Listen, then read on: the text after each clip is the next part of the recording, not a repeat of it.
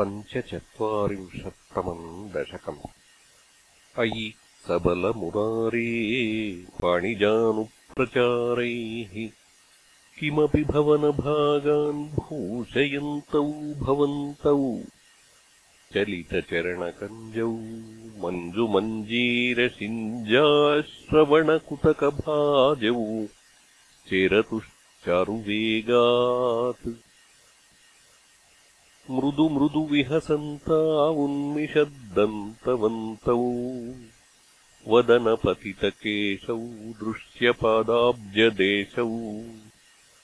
भुजगलितकरान्तव्यालगत्कङ्कणाङ्कौ। मतिमहरतमुच्चैः पश्यताम् विश्वनॄणाम्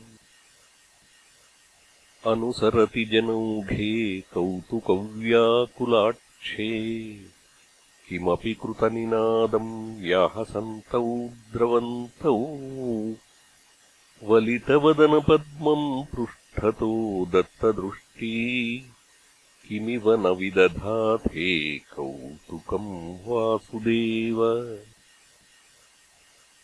द्रुतगतिषु पतन्ता उत्थितौ लिप्तपङ्कौ दिवि मुनिभिरपङ्कैः सस्मितम् वन्द्यमानौ। द्रुतमथ जननीभ्याम् सानुकम्पम् गृहीतौ। मुहुरपि परिरब्धौ द्राग्युवाञ्चुम्बितौ च।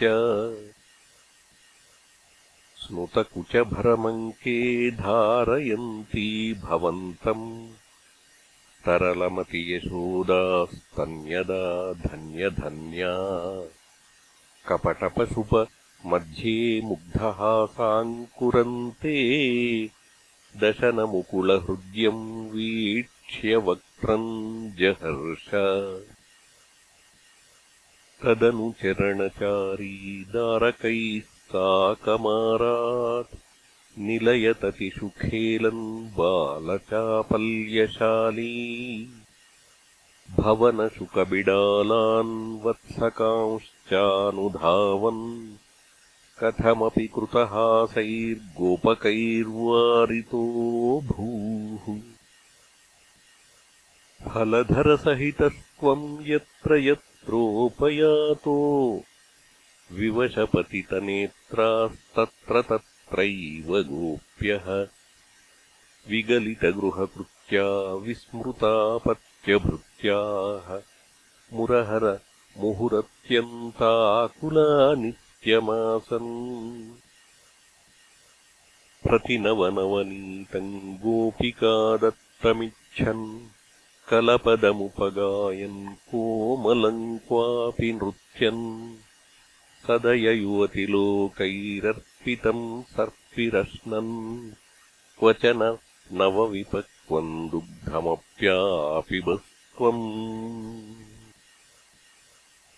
मम खलु बलिगेहे याचनम् जातमास्ताम्। इह पुनरबलानामग्रतो नैव कुर्वे। इति विहितमतिः किम् देव सन्त्यज्ययाञ्चाम् दधिघृतमहरस्त्वम् चारुणा चोरणेन